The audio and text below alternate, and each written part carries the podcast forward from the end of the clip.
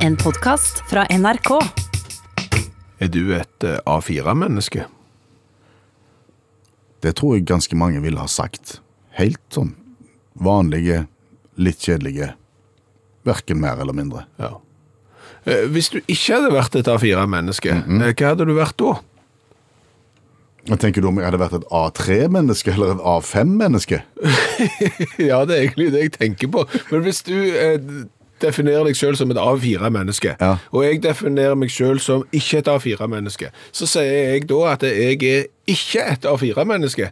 Altså, jeg er enten A4-menneske eller ikke A4-menneske. Ah. Jeg kunne jo, som du sa, det vært eksempel et A2-menneske, eller et A3-menneske, eller sågar et A5-menneske. Men nei, enten så er du A4-menneske, eller ikke A4-menneske. Det er rart det der med A og 4 og ark. Ja, for A4 menneske kommer jo ut av arket A4, som er det vanlige arket. Det er det vanligste papiret, det er et A4-papir. Og hvis du har et dobbelt så stort ark som et A4-ark, så heter ikke det A8. Nei. Det ville jeg ha kalt det. Ja, i utgangspunktet, i min logikk, så ville jeg kalt et ark som var dobbelt så stort som et A4-ark for A8, men istedenfor så er det Det er A3. Ja, tre, ja. Ja. Og, hvis jeg, og hvis jeg hadde hatt et ark som var dobbelt så lite som et A4, Ja, det kalles halvparten. halvparten så stort, så ville jo jeg kalt det for A2. Ja, Ja. det er det ikke, det er A5. ja. Skal komme på det òg. Ja, du skal det. Og det er tyskerne sin feil, tror jeg. Når kom de på dette? Eh, 1922. Såpass? Ja, det er jo en blendende i utgangspunktet mangel på logikk, tenker jeg òg. For det største arket innenfor A-klassen, Ja. eh, det er A0. Det, det er A0? Det er A0, ja. Det er det største? Det er det største. Det er én kvadratmeter. Ok. Det er det største, og så jo mindre de blir, jo høyere tall blir det. Altså, Dette er akkurat sånn som, som temperaturen i kjøleskapet. Hæ? Altså, Jo, for i kjøleskapet der skrur du opp for at temperaturen skal gå ned. Ja. Det er òg en blendende logikk. Mens i resten av verden, f.eks. hvis du frøs i stua, eh, så skrur du opp eh, for å få temperaturen opp. Så kjøleskap, temperatur og arkspesifisering er på en måte av samme familie. Ja, det er ikke helt A4. Nei, det. Nei, det er ikke det. Men det er, det er tyskerne, tror jeg, sin feil, Mm. og det er en tysk standard fra 1922. Og hvis du bare begynner å, å sette deg inn i den, så er han i utgangspunktet veldig logiske. Oh. Det største arket i A-familien var A0. A0, ja. Og greiene med dette A-systemet er at hvis du hele veien halverer arket, bretter de to, Ja. Så vil du fremdeles ha samme fasong på arket. Hvis du tar det A4-arket som du har foran deg der, sånn ja, river det av, bretter de to, Så ser det bare ut som et litt mindre A4-ark. Ja, du ser det er halvparten så stort som A4, men har nøyaktig samme fasong. Og har blitt til A5. A5, ja. Ja, Det skjønner jeg fortsatt ikke. Nei, og så bretter du A5-merket i to, og så får du nøyaktig eh, samme fasong som både A4 og A5, bare mye mindre. Ja. Og da er du på A, A6. det er A6, da, ja. Ja. Ja. Men jeg skjønner ikke hvorfor tallet blir høyere når, når arket blir mindre. Nei, det skjønner ikke jeg heller. Ikke, nei, den veien går vi ikke Det, Det, det, det eh, vet jeg ikke. Det, der satser vi på at han tyskeren som kom på det, han, han er foren og kan ikke forklare dette. Men, men det er systemet at eh, for hver gang du bretter de to, så får du et ark som er nøyaktig likt i fasong, men halvparten så stort. Og hvorfor var det viktig? Fordi at hvis du da skal lage deg en trykksak, hvis du skal legge inn et bilde og legge inn en tekst, så kan du jo legge det både på et A4-ark, et A3-ark, et A5-ark, et A6-ark, og det vil se helt likt ut. Det vil bare være mindre. Smart. Ja, så du kan forminske det for eksempel 41% eller hva det blir for noe i forholdstall, og så vil det allikevel se likt ut, bare mindre. Ja. Og dette har jo verden da etter hvert adoptert. De har tatt denne tyske tradisjonen, og så har det blitt standard i stort sett alle land, bortsett fra, nå kan du gjette, USA. ja, selvfølgelig, USA. Det eneste landet som sammen med Liberia og Myanmar heller ikke bruker det metriske systemet. Så de er ikke A4. Det er jo en arverekkefølge til den norske tronen. Nå er det jo eh, kong Harald som er konge. Eh, bak han ligger kronprins Haakon. Eh, neste på lista er prinsesse Ingrid Alexandra. Eh, etterpå der igjen prins Sverre Magnus. Stemmer. Ja. Jeg lurer på hvor jeg er. I arverekkefølgen. Ja, Men hvis du i det hele tatt er der, så er du veldig langt bak. Ja, men jeg, jeg lurer på hvor langt bak jeg er. Eh, For jeg vil jo tippe at jeg er foran en del andre, men jeg vet ikke hvor langt bak. For på et eller annet tidspunkt så er det jo jeg da som er eh, tronarving i Norge. På et eller annet tidspunkt. Ja, hvis du er det, så er du sikkert tronarving i et eller annet annet land òg. Ja, jeg kunne jo vært eksempel i England. Der har jeg heller ikke kontroll, for der er det jo prins Charles som er første mann på lista, og han kommer jo aldri til å tiltre. Tror du ikke? Nei, det tror jeg ikke. Hun der mora kommer til å leve til hun er 200, og da er sikkert prins Charles død allerede. Så er det jo prins William, og så er det jo ungene hans da. Eh, Tre av de er før bror prins Harry kommer. Og så går det ned igjennom, så på et eller annet tidspunkt, så er det kanskje meg. Ja. Eller i Belgia. Eller i Sverige. Eller i Nederland. Hvor, hvor, hvor ville du vært hvis du kunne valgt? Jeg bare sier det sånn, der jeg er nærmest, det der ville jeg vært. For jeg tipper jo, hvor mange bor der i verden nå? I verden? Ja, Oi. Seks-sju milliarder? Nå har jeg glemt det tallet. På skolen så lærte vi jo fem milliarder, men det har skjedd ting siden det. Ja, men du reiser jo til London du, og tror at pundet er 10 kroner, og reiser til Europa og tror at euroen er 7,50, og reiser til USA og tror at eh, dollaren er 5 kroner. Så, Ja, er det ikke det nå? Nei, så jeg tror det er mer enn 5 milliarder mennesker, eller om det er 7,8. Ok. Ja, det er iallfall mye. Eh, Og poenget er vel det at jeg er jo sannsynligvis da eh, langt høyere på arverekkefølgen til den norske tronen enn f.eks. en aborginer i Australia. Ja, det er nok helt greit. Så da er jo ikke jeg helt på bånn av de 7,8 milliardene, men hvor nær toppen er jeg? ja, men? Hva praktisk konsekvens skulle det ha å vite det? Det er jo kjekt. Altså, jeg kan jo bruke det til ting. Kan, du kan jo ikke det. Selvfølgelig kan jeg bruke det til ting. Jeg kan jo bli oppgradert på fly og hotell og all slags. Nå har jeg brukt doktor. Ja, det har du brukt. Du har kalt deg for doktor på ved innsjekking på hotell. Ja. Og da fikk du flotte suite og egen, eget frokostrom. Ja, det stemmer. Ja. Men hva skal du skrive på den der Mr. Mister, Mister, Doktor? Tronarving. tronarving. Er det en egen rubrikk? Det, I så fall så skriver jeg det inn med blokkbokstaver, hvis det ikke er. Altså, tronarving til eksempel den nederlandske tronen, eller eh, et eller annet. Om det så var på 500 000 plass, eh, samme det. På et eller annet tidspunkt, hvis det kom en sånn Armageddon, så var det kanskje eh, herr Skjæveland som sto klar til å overta i den tunge tiden. Ja, sant. En samlende konge, eksempel i Nederland, når alt var gått skeis. Du, du har ikke tatt og henvendt deg til Slottet med tanke på slottsbalkongen på, på 17. mai? Ikke sikker de hadde satt pris på akkurat den telefonen. Du, hallo, det er Bjørn Lars Skjæveland som ringer fra NRK Rogaland. Hvor langt bak i tronerekkefølgen er jeg egentlig? Eh, det ble vel omtrent sånn når jeg prøvde å ringe til Nasjonalbiblioteket og spørre om de hadde lyst til å samle på gammelmannshoste. Det syns de heller ikke var en god idé. Det gjorde vi. Men det hadde jo vært tøft hvis jeg var eksempel høyere i arverekkefølgen enn deg. Ja, ja. Til både den engelske, svenske, nederlandske, belgiske, eh, norske tronen. Jeg har ingen problemer med å svelge den. Deres kongelige høyhet. Takk. Du, han som kan bli president i USA hvis det ikke blir Donald Trump neste gang, han har et vrient navn. Han heter Peter. ja, han heter, men han heter noe mer. Ja. Paul. Ja, en, Peter Paul Montgomery. ja, og så kommer det. Buttigieg. Altså butt ig i i egg. But a judge, pleier han å si sjøl.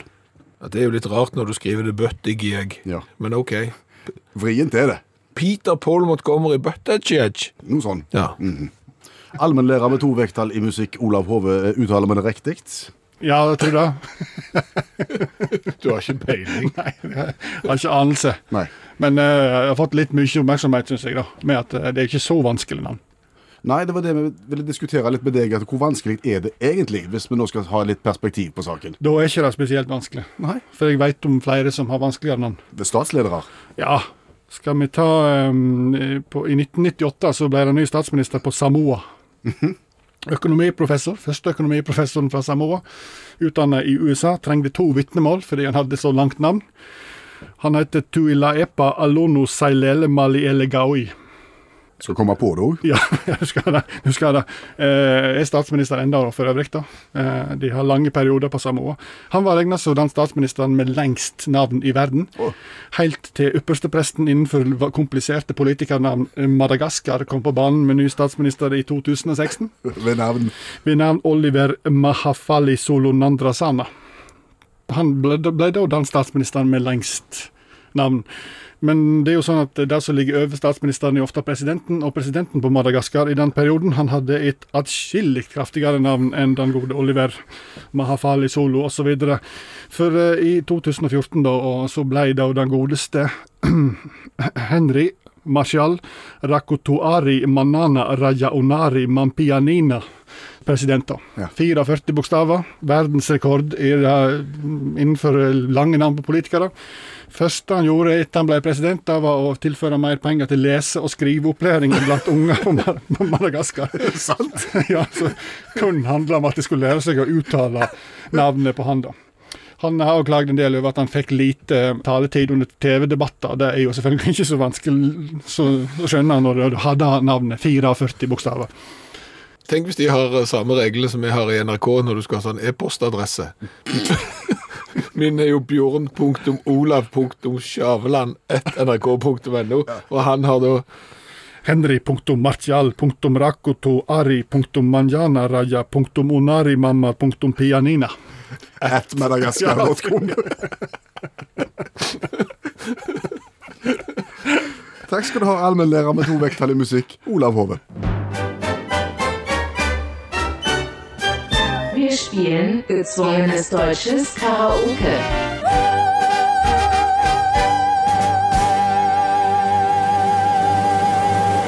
Dette, min venn, er lyden av eh, tvungen tysk karaoke. Ja, eller offentlig gapestokk, som det jo òg kan kalles. Ja, og det er du som skal i den i dag, men du kan jo først fortelle litt om hva tvungen tysk karaoke egentlig er. Nei, Du finner en tysk karaokesang, eh, og så har jeg mest sannsynlig aldri hørt den før, for jeg er ikke så sterk på tyske hits. Så gir du meg teksten, og så sier du syng. Ja, og det er ikke enkelt, det har det vist seg. Nei, nå var nå du i ilden for et par uker siden, og da brynte jo jeg deg på en 2007-sang, hvis jeg ikke tar feil. Ja, Vi ville prøve litt nye sjangre, og ikke bare spille sånne veldig gamle tyske slagere. Ja. Og det gikk sånn måtelig. Ja, Eh, Jeg har tenkt at vi skal holde oss i det nyere sjiktet i kveld også. ok. Så nå er vi i 1994, faktisk. Ok. Eh, og bandet Lucy Electric Lucy Lettrick. Ja, Du husker ikke Lucy Electric? Jeg har aldri hørt om Lucy Lettrick. Nei. Tysk pop-rock-duo grunnlagt i 93. Eh, Besto av Lucy van Org og produseren Ralf Goldkind. Mest kjent for den sangen du skal prøve deg på, som heter Mädchen. Å ja, er det sjanse for at jeg kanskje har hørt den før, da? Muligens. Okay. 1994. Den toppa jo listen i Tyskland i mange uker, da, og gjorde det også skarpt i Sveits, Østerrike og Nederland. Eh, Oppfølgeren eh, Hei, susser. Den gikk det ikke så godt med. Ja, Mädchen var bra, men Hei Susser var ikke bra. Nei, okay. Så i 1999 la de opp hele greia. greit. Ålreit. Sangen heter Mädchen. For at dette skal bli gøy for alle, så Det er ikke sikker det blir gøy for det. Det er sant. Men altså, jeg tenker nå skal alle som hører på utakt, Ja. må få høre hva du skal bryne deg på, så nå skal jeg spille av originalen. Da går jeg ut. Ja, du får ikke høre den. Gå ut. Dette er originalen Mädchen Lucy Electric.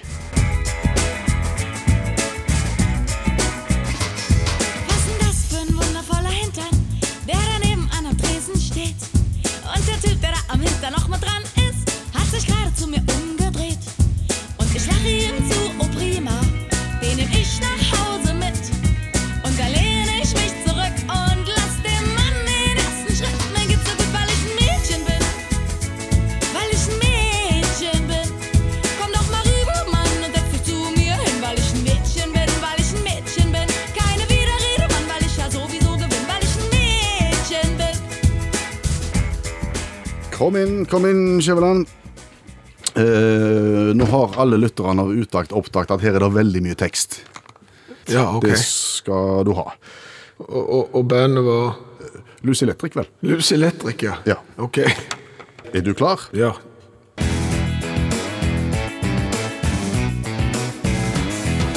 Was das für wir wollen hinter da man ab an Tresen steht. Und der Tipp, der am Hintern, hinter noch min dran ist, hat sich gerade so umgedrascht und ich löscht ihm so uh, prima. Dann nahm ich nach Hause mit und dann lässt ich mich zurück. Und lass dann man einen Schritt mir gesuchen Mädchen bin, Mädchen bin, weil ich Mädchen bin. Jeg var ikke halvferdig med all tekst her, jeg. Dette gikk vel ikke all verden, så kan, kan vi si, tror jeg. Eh, lagde jeg en helt ny sang? Ja, på en mange måter Okay. så gjorde du det. Var den dårligere enn originalen? Han var hissigere enn originalen. Ja, Jeg følte liksom at Lucy Electric Ja. Det var mer sånn litt, måtte, litt tungt. Akkurat. Ja. Eh, Du var litt innom det inni, innimellom, men ikke mye. OK. Har du lyst til å høre hvordan det egentlig skal være? ja takk. Ok. Was denn das für ein wundervoller Hintern, der daneben an der Tresen steht? Und der Typ, der da am Hintern noch mit dran ist, hat sich gerade zu mir umgedreht. Und ich lache ihm zu, prima, den nehm ich nach Hause. Hvor mener du at jeg var innom dette her? Jeg er ikke i nærheten noen gang. Nei, egentlig ikke.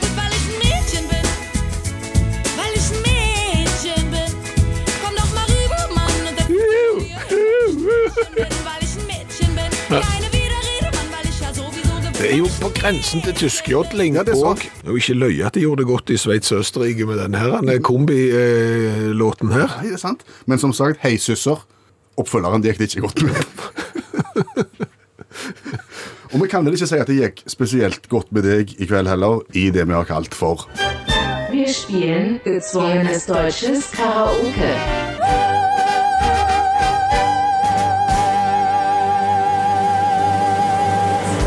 Når jeg ser på overskriften for det neste vi skal gå i gang med, Ja. hvis jeg ikke hadde visst bedre da, så hadde jeg tenkt at oi, nå kommer det et lite kurs fra en samlivsterapeut til hvordan vi skal ha det fint eh, hjemme og unngå de store kranglene.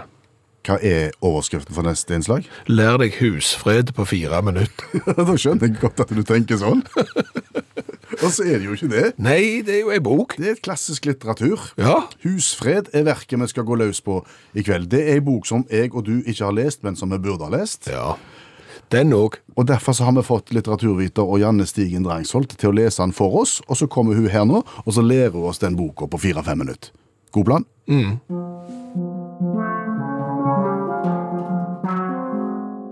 Husfred, en tragikomisk familiehistorie fra 2006 av Alison Bechdel.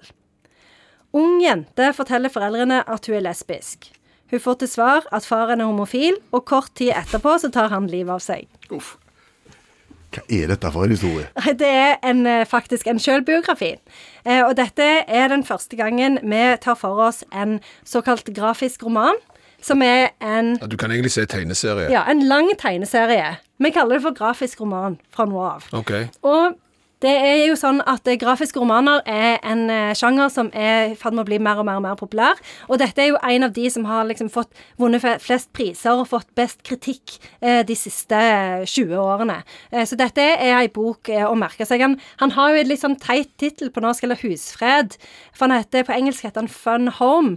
Eh, og det eh, henspeiler på at eh, hovedpersonen eh, vokste opp med en far som drev et eh, begravelsesbyrå. Eh, og det kalte de for Fun Home, da. Sånn, liksom sånn galgenhumor hjemme. For når du sa husfred, og, og sa at her var det liksom selvmord eh, i, i den historien, så, så tenkte jeg jo nesten som at det var en oppfølger til Arne Garborg sin fred. Eh, neste var husfred. Ja. Like mørkt og trist, alle dør bare. Ja, Ja. Det, og det er litt trist òg, for han faren er veldig sånn Han sliter jo, for han er jo gift, og så er han jo egentlig homofil, så han fornekter jo hele sin natur. Og så legger han liksom all eh, sin lidenskap inn i å restaurere et sånn et gammelt hus som de har. Så han er enormt sånn streng på uh, hva folk de, Ingen får lov å røre ting og sånn. Han er egentlig ikke så veldig grei med familien sin. Så når han dør, så blir hun veldig sånn konfrontert med at hun syns at han har vært fraværende hele livet hennes. Så det handler på en måte mye om det, da. Hvor selvbiografisk er han? Er han så- 100%. 100 så han er ikke sånn based on a true story, selvbiografisk? Nei, den er ikke det. Og hun har brukt eh, eh, Hun har tegnet alt, da, men hun har brukt eh, familiebilder, hun har brukt brev, hun har brukt eh, fotografier som hun har tatt liksom av de forskjellige tingene som hun tegner. Så den er ekstremt sånn eh, detaljert eh, og, og beskriver dette livet og den oppveksten som hun har hatt, da. Men du får jo en annen totalopplevelse som leser, da, når du får alt dette her visuelle i tillegg. Mm, og den er helt utrolig bra, fordi at det, du får, hun, er, hun er en god forfatter, så det er liksom bra, eh, bra eh, tekst. Men du har liksom alle disse her nyanseforskjellene og de tilfellene hvor eh, gjerne teksten er i konflikt med det som du ser på bildet, som det jo ofte er i en familie, sant? hvor ansiktsuttrykket viser noe annet enn det folk sier. Så denne anbefaler jeg virkelig alle å lese. Men det høres veldig, veldig trist ut. Er det? Ja, men han er, han er gans, den er jo, det står jo en, en, det er en eh, tragikomisk familiehistorie. Det er masse humor i den òg. Eh, og hun bruker òg veldig mye litteratur for å liksom finne ut av ting og for å kjenne seg igjen. Og, for det, hun, hun og faren delte en sånn sterk pasjon for litteratur, da. Så folk som har hørt på denne spalten, vil nok kjenne mye igjen og kose seg. Husfred, han fins på norsk. Han fins på norsk, han gjør det. Ja. Men jeg tror ikke tittelen har hjulpet så mye på å selge så mange kopier av han. Altså, jeg hadde husfred på rommet mitt, jeg. Og det er en sånn en blomst, ja. Ja, Som ser ut som sånn krushår. Ja. Ja. Og, og den var sånn at den skulle du klappe. Hvis du på en måte bare dunka litt på den og klappte forsiktig på den, så holdt husreden seg bedre. Men eh, de er veldig sånn lette å holde. Ja, akkurat. Ja, Så da gjør den eh, eh, tittelen enda mindre mening. Da tenkte jeg jeg skulle dra noen linjer. jeg, så det bare... hvis en klapper litt på og er litt forsiktig og, så, og ordner, så, så, så bevarer vi husfreden. Ja, det er sant. Mm, så det var motsatt av den strategien som han faren valgte. da. Nettopp. Ja, Har du et berømt sitat ja, fra ja. ja. husfred? ja det har jeg. Um, det er dette. Sorg kan ta mange former, inkludert fraværet av sorg. Det er noen som klarer å si ting på andre måter som vi andre ikke er i stand til. Og når de kan tegne i tillegg, så blir det veldig bra resultat.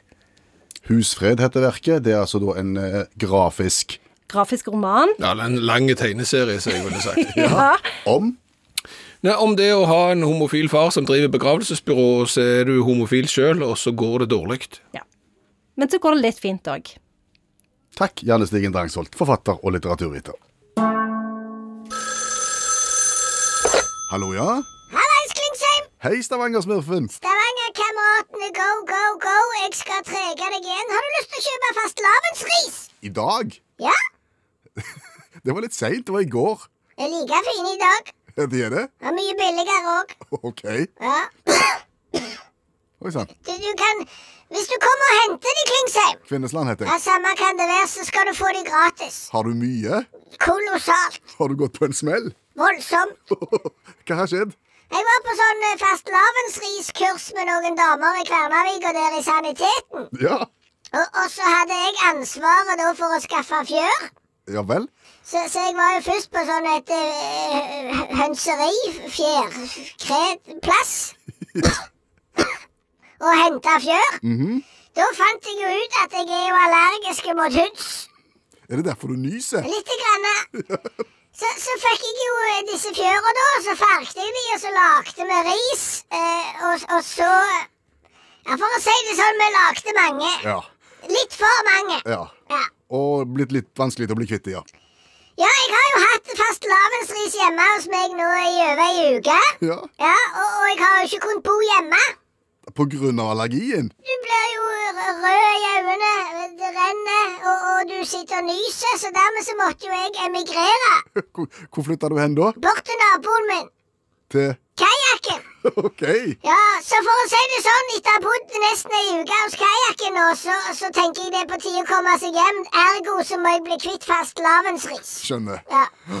Så hvis du gidder komme og så hente de Og for meg så kan du bruke de til peisved. Jeg driter i deg. Samme kan det være. Jeg skal, jeg skal, kanskje jeg skal komme og hjelpe deg med det. Ja, det er en håndsrekning, Klingsheim. Ja, Kvinneslandet, jeg. Ja, samme kan det være. Men du! Ja, Du jobber jo i NRK. stemmer. K Kan du eh, tipse dem om et sånn fantastisk eh, forslag som jeg har? Det kan jeg godt. Sånn minutt for minutt. Fjernsyn minutt for minutt. Ja, for da har jo jeg sittet på Svalbard minutt for minutt. og, og, og etter å ha bodd ei uke nesten hos kajakken, så har jeg kommet opp med en genial idé. Og den heter Kajakken minutt for minutt. Du aner ikke hva som skjer der borte. Nei. nei. For å si det sånn, der ville folk vært flua på veggen. Det ville de fått med seg minutt for minutt. For det første så renner det jo inn med sånne koner som kajakken henter fra, fra utlandet. Uff, ja vel. Det er jo ikke før hun fra Filippinene var ute, så kommer det jo en ny fra Russland der kanskje, jeg vet ikke, skal du på, på kajakk? Jeg vet ikke. Så kommer det. Så selger på biler og kjøper på biler. Kjøper på ved og selger på ved og sitter på internett. Og det skjer så mye gale der borte, Klingsheim. Kvinnesland. Ja, samme kan det være at det burde vært minutt for minutt. Ja, men tror du kajakken er innstilt på, på å eksponere seg sjøl? For å si det sånn, er det noen som er innstilte på å eksponere seg sjøl, så er det kajakken, altså. Alt som kan gi oppmerksomhet, det setter kajakken pris på. OK. har, du, har du nevnt dette for han? Nei, ikke ennå. Jeg tenkte nå tar du det med de voksne i NRK først, eh, og så foreslår du kajakken minutt for minutt. Ja, skjønner. Ja. Og blir det go, så kan jeg garantere deg minutt for minutt-program så du aldri har sett magen til. Skjønner. Ja. God idé. Ja, OK, har vi det, da? Jeg tror vi har det da. Men nå kommer du og henter fastelavnsrisa. Ja, Når er du hjemme? Nei, jeg er ikke hjemme, jeg er jo hos kajakken for å unngå å nyse. Men du bare stikker opp til meg, og så stikker du hånda inn døra, og så rasker du med deg alt du kan. OK, OK? skal fikse det. Snakkes! Ha det. Ha det! Du, Ja. nå tror jeg jeg har hatt for mye fritid igjen. Nei, det er aldri et godt tegn. For da kommer det tanker som vi ikke trenger å høre om. Nei, men det her tror jeg er ganske interessant. Eh, Når du entrer en sykkel, Ja. bestiger en sykkel, Ja. eh, hvordan gjør du da? Altså fra, fra hvilken side av sykkelen, og, og beskriv. Jeg bestiger sykkelen fra venstre side. Jeg står på venstre side av sykkelen, Ja. og så slenger jeg den høyre foten over. Ja. Gjerne setter venstre foten på pedal og begynner å gli litt, og så slenger høyre foten over bak. Og, og, og du er høyrebeinte, Ja. og, og høyrehendte. Ja. Ja. Jeg lurer på om folk som er venstrebeinte, om de entrer sykkelen fra motsatt side. Det vil jeg tro er helt naturlig. Ja. Og ser du noen problemer med det, egentlig? Ja, det er jo eh, plassering av støtte. Ja, for jeg går jo av på samme plassen som jeg går på. Ja, For når jeg kommer fram til destinasjonen min, så svinger jeg da høyre foten tilbake igjen, mens jeg står med den ene venstrefoten på pedalen, hopper lett av, og trykker støtten ned med høyre fot, som er på den sida som jeg har gått av på. stemmer. Sånn at sykkelen da tipper mot venstre, Ja. eh, med støtta på venstre side av eh, sykkelen. Og da er jo spørsmålet om du da er, det er ikke lov å si skeivhendt eller skeivbeinte, men venstrebeint og, og venstrehendt. Om du da går i butikken og kjøper venstre støtte. Ja, som skal passe på den høyre siden av sykkelen, fordi at du da havner på høyre siden når du svinger den, den andre foten over når du går av, Ja. dersom du er venstrefota. Ja, for, for ei sånn sidestøtte, mm. den vil jo ikke være like hvis du plasserer den på høyre eller venstre side av sykkelen. For den skal jo slå i, i en retning, så de blir jo på en måte speilvendte, så du kan jo ikke kjøpe Du må jo da eventuelt kunne kjøpe høyre og venstre støtter, og fins det? Det vet jeg ikke, Nei. men vil du få problemer med, med, med kjede og, og øvrig mekanikk på sykkelen som vil komme i veien, alt ettersom hvor du plasserer støtta? Ja, det det er det jeg ikke vet. Det har jeg tenkt på, det svaret har jeg ikke. Og, jeg, og litt samme problemstillingen her eh, oppstår jo òg da når du kjører motorsykkel. Er nøyaktig det samme, vil jeg si. Ja, jeg ser jo at motorsykler, iallfall de jeg har kjørt, eh, har jo støtter på venstre side. Kan eh, keivbeinte eh, kjøpe eh, ekstrautstyr når de bestiller f.eks. Du skulle hatt en sånn en Ducati motorsykkel. Ja, skal du ha med venstre eller høyre støtte? Nei, du vet du hva, jeg er venstrebeint, jeg må ha høyre støtte. Da fikser vi det, sier Ja. de. Jeg vet ikke. Nei, jeg vet ikke. Og så har de gjerne med hvor er eksosanlegget plassert, hvor går kjede, hvor går giret, henger alt dette sammen. Eh, Men det hadde... Du kan jo løse det enkelt med en sånn midtstøtte, som på en måte står midt under sykkelen, sånn som du bare du drar hele sykkelen et hakk bakover. Ja, men det, det har de.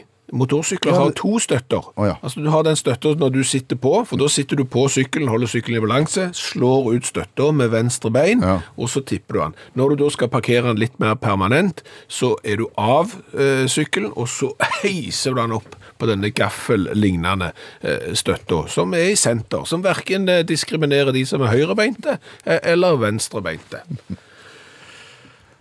Du har ikke tenkt på hvor ringeklokka òg, om det er ringeklokke for høyrehendt og venstrehendt, også når du var i gang med tenkingen, mener jeg. Ja, Da begynner du plutselig hvor skal du ha gassen på motorsykkelen? Skal du gasse da med høyre eller venstre hånd? Det begynner å bli vrient, dette her. Ja. Jeg tror vi får begynne med støttene, så får vi ta det derfra. Eventuelt får du lage en støtteforening. Ja, ja, en støtteordning bør etableres fortere enn svint. Ingebjørg Bratland sang. Ingebjørg som nå har blitt favorittartisten vår. Å ja, absolutt. Eh, Og med fare for å diskvalifisere andre flinke norske kvinnelige artister, så, så er Ingebjørg Bratland hun er helt der oppe i verdensklasse. Helt fantastisk menneske. På alle vis kanskje noe av det beste som fins. Og, og denne voldsomme fascinasjonen den starta for et par uker siden. Ja. Ingebjørg var gjest her i Radiohuset, og vi gjorde et intervju med Ingebjørg i en annen anledning. Og etter å ha snakket med oss en stund, da, så oppdager hun plutselig hvem hun snakker med. Og det er jo Utakt-guttene, sier hun plutselig. For hun har hørt utakt i, i mange år, og likt det radioprogrammet der, og skapt seg et bilde av hvordan de som leder radioprogrammet Utakt, faktisk ser ut. Ah, og når hun så oss i virkeligheten, så skjønte hun at hennes bilde i hodet stemte jo overhodet ikke med det hun hadde tenkt på forhånd. For når hun avslutta intervjuet med oss, så sa hun Tusen takk for meg. Det var veldig stas å få, eh, å få komme hit og så se at det to var så ja, slanke, flotte karer. Så fra nå av så er Ingebjørg Bratland eh, vår favorittartist. Men nå må vi videre i programmet. Nå skal vi smake cola. Det skal vi. Vi gjør jo det hver eneste mandag. Eh, Jeg pleier å si at vi runder 260 nå. Vi gjør nok det. Eh, I dag skal vi til et land vi har vært i eh, ganske mange ganger, men vi skal prøve en ny cola fra dette landet, og landet er Italia. Hopp, hva heter verket? Eh, Den heter Premier Cola. Premier Cola fra Selex. Fra eh, fabrikanten Selex. Ja, det er Ingvild Sveinsvold som har kjøpt denne colaen til oss og tatt den med. Og Selex, det er en distributør av matvarer i Italia. Ah. De har en markedsandel på 12 eh, tjener mye penger, sysselsetter 31 000 folk eh, og har 5400 egne merkevarer. Oi, Så de da produserer og distribuerer rundt til alle disse butikkene som de da eh, samarbeider med. Så det er en kjøpesenter-cola. på boks, litt høyrest slank boks med klassisk rød colafarge og klassiske hvite colabokstaver. Så står det Premier Cola, Selex, og så er det bilde av Frihetsgudinnen, hodet til Frihetsgudinnen nede i det ene hjørnet. Så Hvorfor gjør de det når det er italiensk? Nei, men de skal vel liksom eh, få colaen til å bli American Stars and Stripes og eh, In the Land of the Free, In the Home of the Brave og mm. et eller annet. Vi får bare smake på den. Er du klar? Ja da. Vi åpner boksen og skjenker i og ser at den er svart, Kålsvart. svart og fin. Rikeslikt med kullsyre. Lukter helt greit cola. Og vi smaker. Ikke noe usmak. Nei, men det lille som var, var greit, men forsvinner fort. Du vet hva du kaller en sånn en cola? Pøsecola. Det er pøsecola, ja. Du kan drikke mye av den uten at det gjør nevneverdig inntrykk, men det er heller ikke vondt. Nei, det er en sånn tørsteslukker. Ja, Rett og slett. Helt på jevna. Den får en firer i Ja, det er helt enig enige der. Hvor eh, kult er det? Uh, fra én til ti så er det ikke kulere enn fire, dette heller. Det er under midten. Ja, men det er noe med liksom å amerikanisere et italiensk produkt. Ja, Nitrist, tenker du? ja. ja. Altså, du kunne heller hatt bilde av Ber Berlusconi på, eller et eller annet. Ja. Eller håret til Berlusconi, Det for kunne eksempel, du hatt. Opp håret til Berlusconi oppå tårnet, skjeve tårn i Pisa. Ja, et eller annet sånn det kunne du gjort. Ja, vi, jeg går ned til tre, jeg nå. Bare, Du bare basert på den lille der. Bare basert på håret til Berlusconi, Ja. så kunne ned til tre? Ja. Ok, greit. Jeg kan være med på det. Da er det åtte pluss seks. Det skulle bli 14, det. Det håper jeg. Da langt, langt, langt ned på lista for eh, Berlusconi-colaen. Ja. Som heter Selex Premier Cola. Peter Paul Montgomery Buckegeg. Peter Paul Montgomery Bucke... but, but a judge But a judge. kan uh, bli uh, amerikansk president. Ja. Med et vanskelig navn. Ja. Det har vi snakket om i dette radioprogrammet. Vi har det, men problemene er visst ikke store før han faktisk blir valgt til president, har jeg forstått. Nei, allmennlærer med to vekttall i musikk. Et sånt et vrient navn skaper også utfordringer dersom han blir president. Ja, og etter han er ferdig som president, vil ikke snakke om det. Hva skjer da? Nei, For da kommer den særamerikanske tradisjonen at vi skal kalle ting opp igjen til presidenten. Alt mulig skal kalles opp av til presidenten. De får jo sitt eget bibliotek. Det er jo litt kjipt. Skal vi gå på biblioteket? Hvem av de? Skal vi gå på butikk... Deichman. Det er jo ikke spesielt bra forretningsidé å ha et bibliotek du ikke skjønner, altså ikke klarer å uttale navnet, men sant. Det er noe så. Altså, Ronald Reagan har 168 ting oppkalt etter seg ja. om sjefen, eh, presidenten i Ronald Reagan Legacy Project, altså eh, arven etter Reagan-kommisjonen, han sier at han skal ikke gi seg før alle kommuner i USA har noe oppkalt etter Ronald Reagan. Altså 3067 ting oppkalt etter Reagan, for han har sitt eget fjell. I, I New Hampshire. Han har sitt eget teater i Missouri. Han har bomstasjon i Florida. Han har skipsverft på Samoa. Eh, han, har eh, Ronald Reagans testsenter for ballistiske missiler på Marshalløyene. Det er nok familien stolt av, tenker jeg. Eh, og alt dette her kommer da til å komme til og gutti butchitsjekk, sant? Det er vanskelig nok å si ballistiske missiler, men du skal si butchitsjekk først. Så har du en utfordring. Ja. Eh, Pete Buttigieg's spesialskole for lese- og skrivevansker. Og så har du òg en annen trend, og det er nemlig at altså, amfibier sånt blir kalt opp etter presidenter. Amfibier. ja, dyr og forskjellige ting og tang. Å, ja. For eksempel, du har Obamadon gracilis. Det er øgla som døde ut for 65,5 millioner år siden. Jeg vet ikke om de klarte et halvt, men de klarte iallfall det. Eh, oppkalt etter Obama. Skal du da ha ta vekk Obama og gracilis og legge inn med buttichechegras, så sliter du. Obama har faktisk mange. Han er histoma Obama, det er en oransje fisk. Det er jo litt dumt at ikke når det kommer en oransje president etter han, så burde de ha venta. Og vitenskapsmenn liker ikke Obama, for de har kalt opp en sopp etter han. Calloplaza Obama. Så kan du Caloplaza butikk... Ja. Trump har fått sin egen òg, for så vidt. Skal vi ta den eh, til slutt? Dermofis Dermophis Donald Trumpi. Det er en 10 cm lang øgle, oppdaga i Panama. Svært slimete, tjukt skinn og eh, kjent for å stikke hodet sitt inn under sanden. Um, prøv da Dermofis Donald Trump i å bytte ut med Dermophis i. Ja. Han må aldri bli president, vet du. Takk, Olav Hove, allmennlærer med to vekttall i musikk. Å romantisere forbrytere, det har jo vært relativt vanlig. Gjennom hele historien så har han jo gjort det. Kalle noen for en utbryterkonge, for en mestertyv, sågar mesterjern. Men det er jo helt feilaktig. Og kaller de for det Ja, fordi fordi de er jo ikke så gode, for de er jo tatt. Sånn, ja. Altså, David Toska ble jo kalt for mesterhjernen etter Nokas eh, ran, og går du etter det ranet i sømmene, så er det vel ikke akkurat mesterlig utført på noe som helst vis, og når politiet begynte å nøste opp i den saken, så var det vel spor herfra til evigheten om hvem som sto bak. Så min teori er jo at de som virkelig er forbryternes mesterhjerne, de vet vi jo ikke hvem er, for de er jo ikke tatt. Nei, skjønner. Men da er de jo ikke så spennende. Nei, det kan du jo si, men det er jo litt som du sier at å, det må, der må være den perfekte forbrytelsen. Det ser du gjerne etterpå, men det er jo ikke den perfekte forbrytelsen, fordi at han har jo blitt avslørt, du har jo blitt tatt. Det er jo langt ifra den perfekte forbrytelsen. Den perfekte forbrytelsen vil vi jo aldri vite om, for den blir jo aldri avslørt. Så den perfekte forbrytelsen har sikkert skjedd tusen ganger uten at vi vet om det, fordi det er den perfekte forbrytelsen. Og det er der mesterhjernen sitter. Ja. Og ikke det et godt resonnement? Var det alt du hadde å si? i Ja, det var altså mestertyv og utbryterkonge. Ja, utbryterkonge kan du for så vidt være, eh, for det du kommer deg stadig ut, men du er ikke mesterhjerne, for du blir stadig tatt. Ja. Så utbryterkonge, det går, men mestertyv, mesterhjerne og den perfekte forbrytelsen, ja, det er feilaktige beskrivelser. Hvis jeg var banditt, så ville jeg bli kalt for Mikromidas, tror jeg. Skulle du hørt Mikromidas? Ja. Det tøffeste bandittnavnet som finnes. Eh, Men jeg tror at hvis du blir tatt, så kan du heller kalle deg for nestenjern. Syns du den var god, egentlig?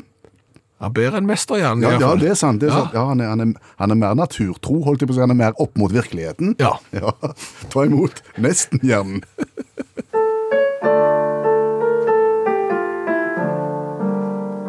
Utakt selger skinnet før bjørnen er skutt.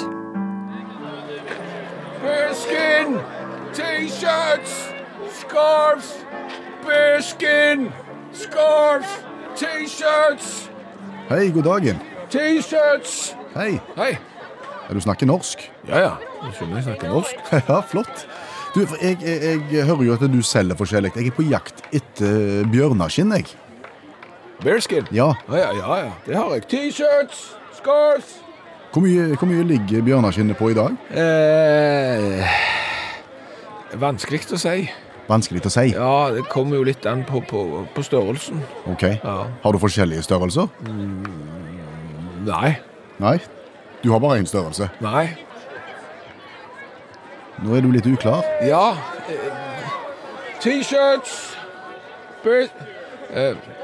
Jeg har Ja, jeg har det ikke her. Nei, ok. Så, så det er litt vondt å si akkurat liksom hvor, hvor mye skal det koste, hva er kvaliteten, hvor stort. Men etter det du har grunn til å tro, så er kvaliteten bra? Ja, eller? altså, det er blodferskt, for å si det sånn. Det er alle tiders eh, kvalitet, men, men, men akkurat liksom hvordan og helt nyansene er vrient å, å si her og Altså, nå. Jeg kunne jo tenkt meg å sett dette bjørneskinnet nå før jeg inngår en handel med Ja. deg. Du skjønner det? Ja, ja, jeg har det ikke her, ser du. Ikke det. Nei, ikke akkurat foran meg her og nå. Men du selger bjørneskinn like fullt? og ja, ja. Og, og T-shirts og, og scarves og, og har all slags selger jeg. Okay. Kinaputter og Butnik-CD-er har jeg og Du har egentlig alt? Nei, jeg har egentlig alt. Ja, ok. Ja. Men det er bjørneskinn jeg i utgangspunktet Ja. Er, ut, er på jakt etter. Så jeg, kan jeg bare inngå en handel med deg, et, en, en, eh, og, så, kan du levere på gitt tidspunkt? Ja, ja, ja, ja, men ja, ja. Altså, Sier du at du skal ha bjørneskinn, så, så skaffer jeg bjørneskinn, og jeg leverer 100% kvalitet bjørneskinn. Eh, vet bare ikke helt hva tid. Nei. Nei. Men da tar jeg et bjørneskinn. Okay. Fint. Da, da tar du det, Ja. og, og så tar vi, tar vi det derfra. Takk for handelen. Vær så god, du.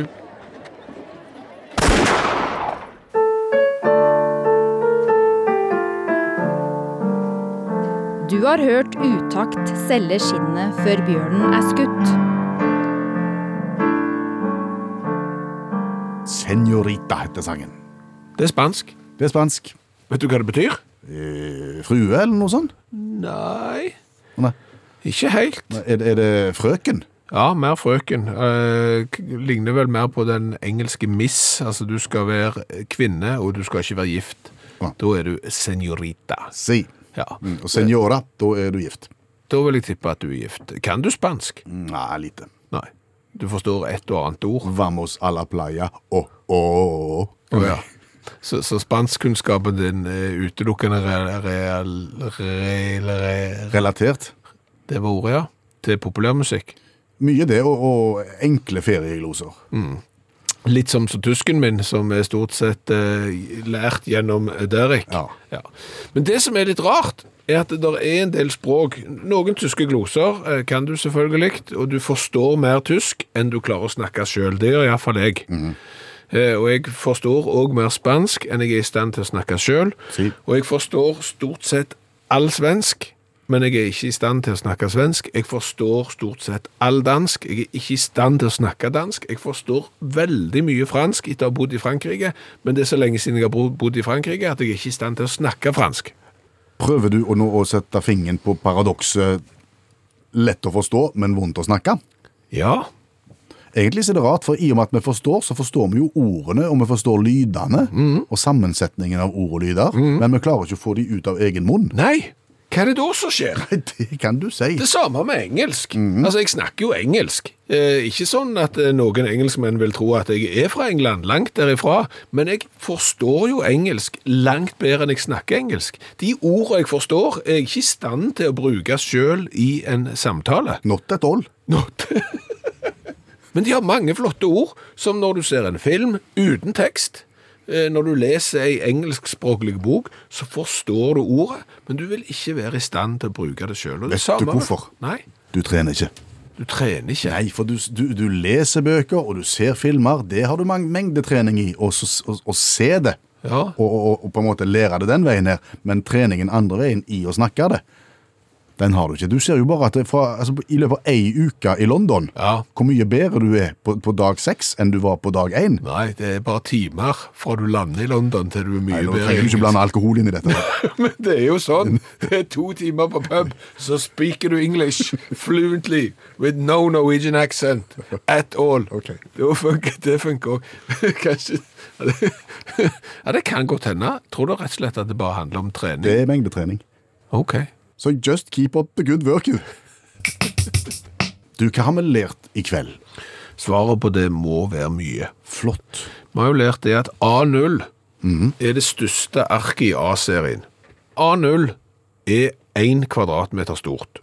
Og A-serien, når det gjelder ark, har den egenskapen at hvis du tar et A0-ark på 1 kvadratmeter og bretter det i to, så får du A1 som har nøyaktig samme fasong som A0, A1, A2, A3, A4, A5 osv.